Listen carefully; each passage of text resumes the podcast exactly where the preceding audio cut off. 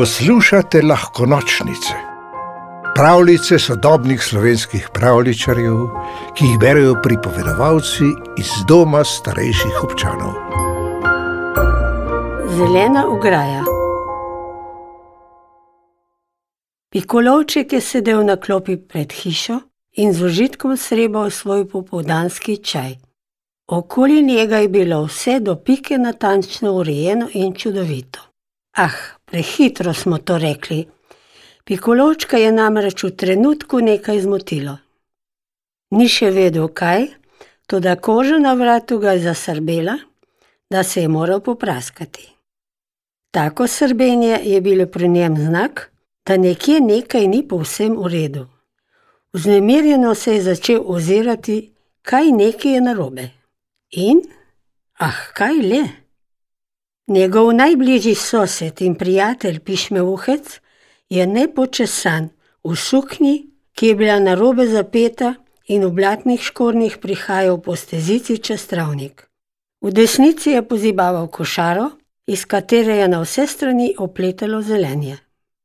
Za povrhu je še glasno, brez posluha prepeval: Hoj, ladrija, hoj, ladran, posadil bom bršljan.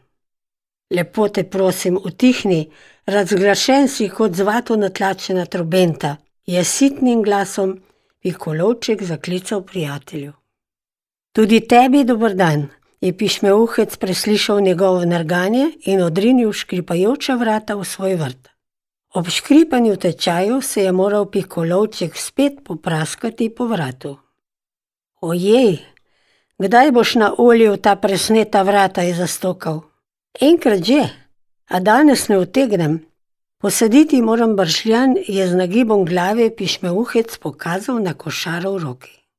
Zakaj pa boš posadil bršljan, je zanimalo Pikoločka. Saj menda veš, da je strupen. Eh, saj ga ne bom jedel, je zamahnil z roko pišmeuhec. Posadil ga bom ob ograji, da jo bo lepo prerasel, tako mi je ne bo treba nikoli več pleskati. Pikolovček je skoraj padel s klopce, tako močno je poskočil, ker ga je vrat neznansko zaskrbel ob pogledu na razpokano barvo in razcefran les pišmeuhčeve vrtne ograje. Njegova pa je bila tako skrbno prepleskana, ena lata rumena, ena modra, pa spet ena rumena in ena modra. Da ga ne bi spet zasrbel vrat, se je Pikolovček kot strela pobral v hišo. Skozi odprto kuhinjsko okno je lahko slišal, kako pišmeuhec spet na ves glas prepeva in si sproti izmišlja besedilo pesmi. Hoj, ladrija, hoj, ladran, posadil bom bršljan, pognojim ga s kurjeki, fuj, kako smrdi. Ampak heja, heja, hoj, to je izdaten gnoj. Bršljan bo zrasel en, dva, tri, ne bo mi treba pleskati, ograje nikdar več, ker to je čist odveč.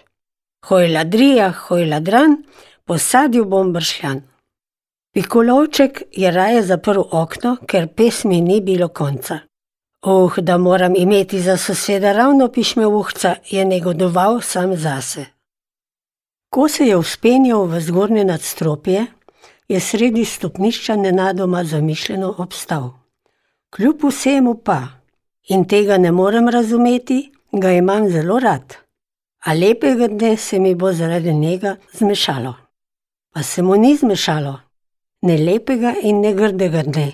Pravzaprav je bil nekega dne čez kakšnega pol leta celo vesel, ko je na mestu razpadajoče pišmeuhčeve ograje opazoval razkošje zelenega bršljana, na katerega so kot drobcene baletke priplesavale snežinke. Kako lepo, zimzeleno in belo, je zasanjeno zavzdihnil. Nato pa mu je pogled zajadral na lastno ograjo in vrat ga je zasrbel. Na peti lati z leve je v modri barvi opazil nemarno razpoko. Kot na vzmeti je planil sklopce in stekel proti lopi, da bi poiskal pločevinko modre barve. Pred vrati lope pa se je spomnil, da zima ni čas za pleskarska dela. Barva bi zmrznila in se odluščila z lesa.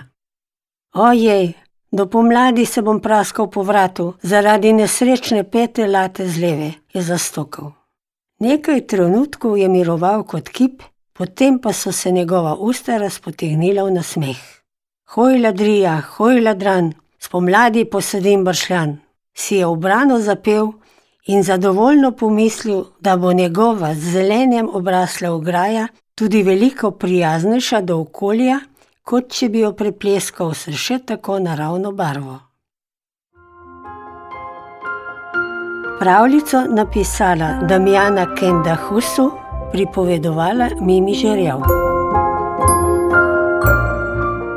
V deželo princesk, zmajev, gozdnih vil in ostalih čarobnih biti ste vabljeni vsak večer. Novi pravljici prisluhnite na lahkonočnice.si, pa lahko noč.